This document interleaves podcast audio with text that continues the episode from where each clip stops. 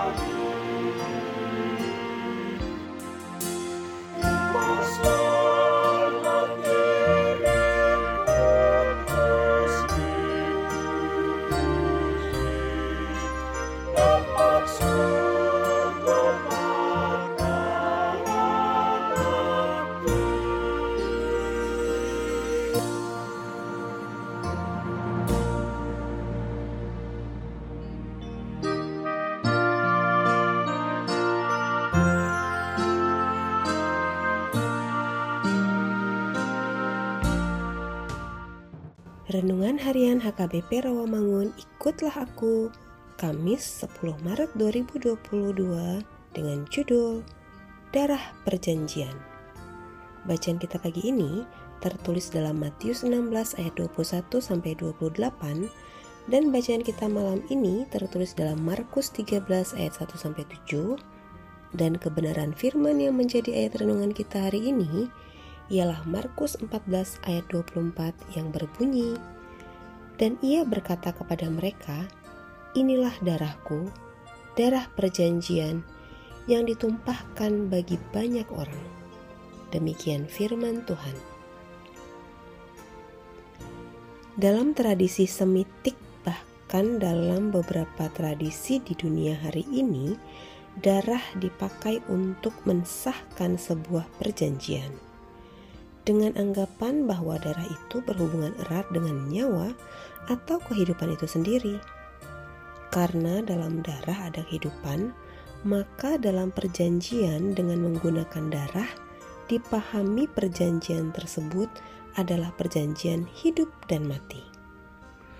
Yesus memberikan darahnya menjadi darah perjanjian sebagai jalan pendamaian Allah untuk manusia. Untuk menetaskan darah harus ada luka. Dengan demikian artinya Yesus mengetahui dengan pasti penderitaan fisik yang akan dia hadapi. Namun dengan rendah hati ia menjalani itu semua bahkan sebelum hari penghakiman itu ia tunduk kepada perintah Allah supaya rancangan keselamatan itu terjadi dan manusia diselamatkan. Perjanjian yang hendak dilakukan itu bukanlah perjanjian dengan manusia, namun perjanjian itu adalah perjanjian dengan Allah Bapa sendiri. Yesus mengadakan perjanjian dengan Allah Bapa supaya keselamatan terjadi bagi manusia, kuasa iblis tidak lagi menguasai kehidupan manusia. Darah dari Yesus yang tertumpah itu cukup untuk menguduskan dan menyucikan manusia karena ia telah mengadakan perjanjian kepada Allah Bapa. Darahnya yang suci itu diberikan bagi kita.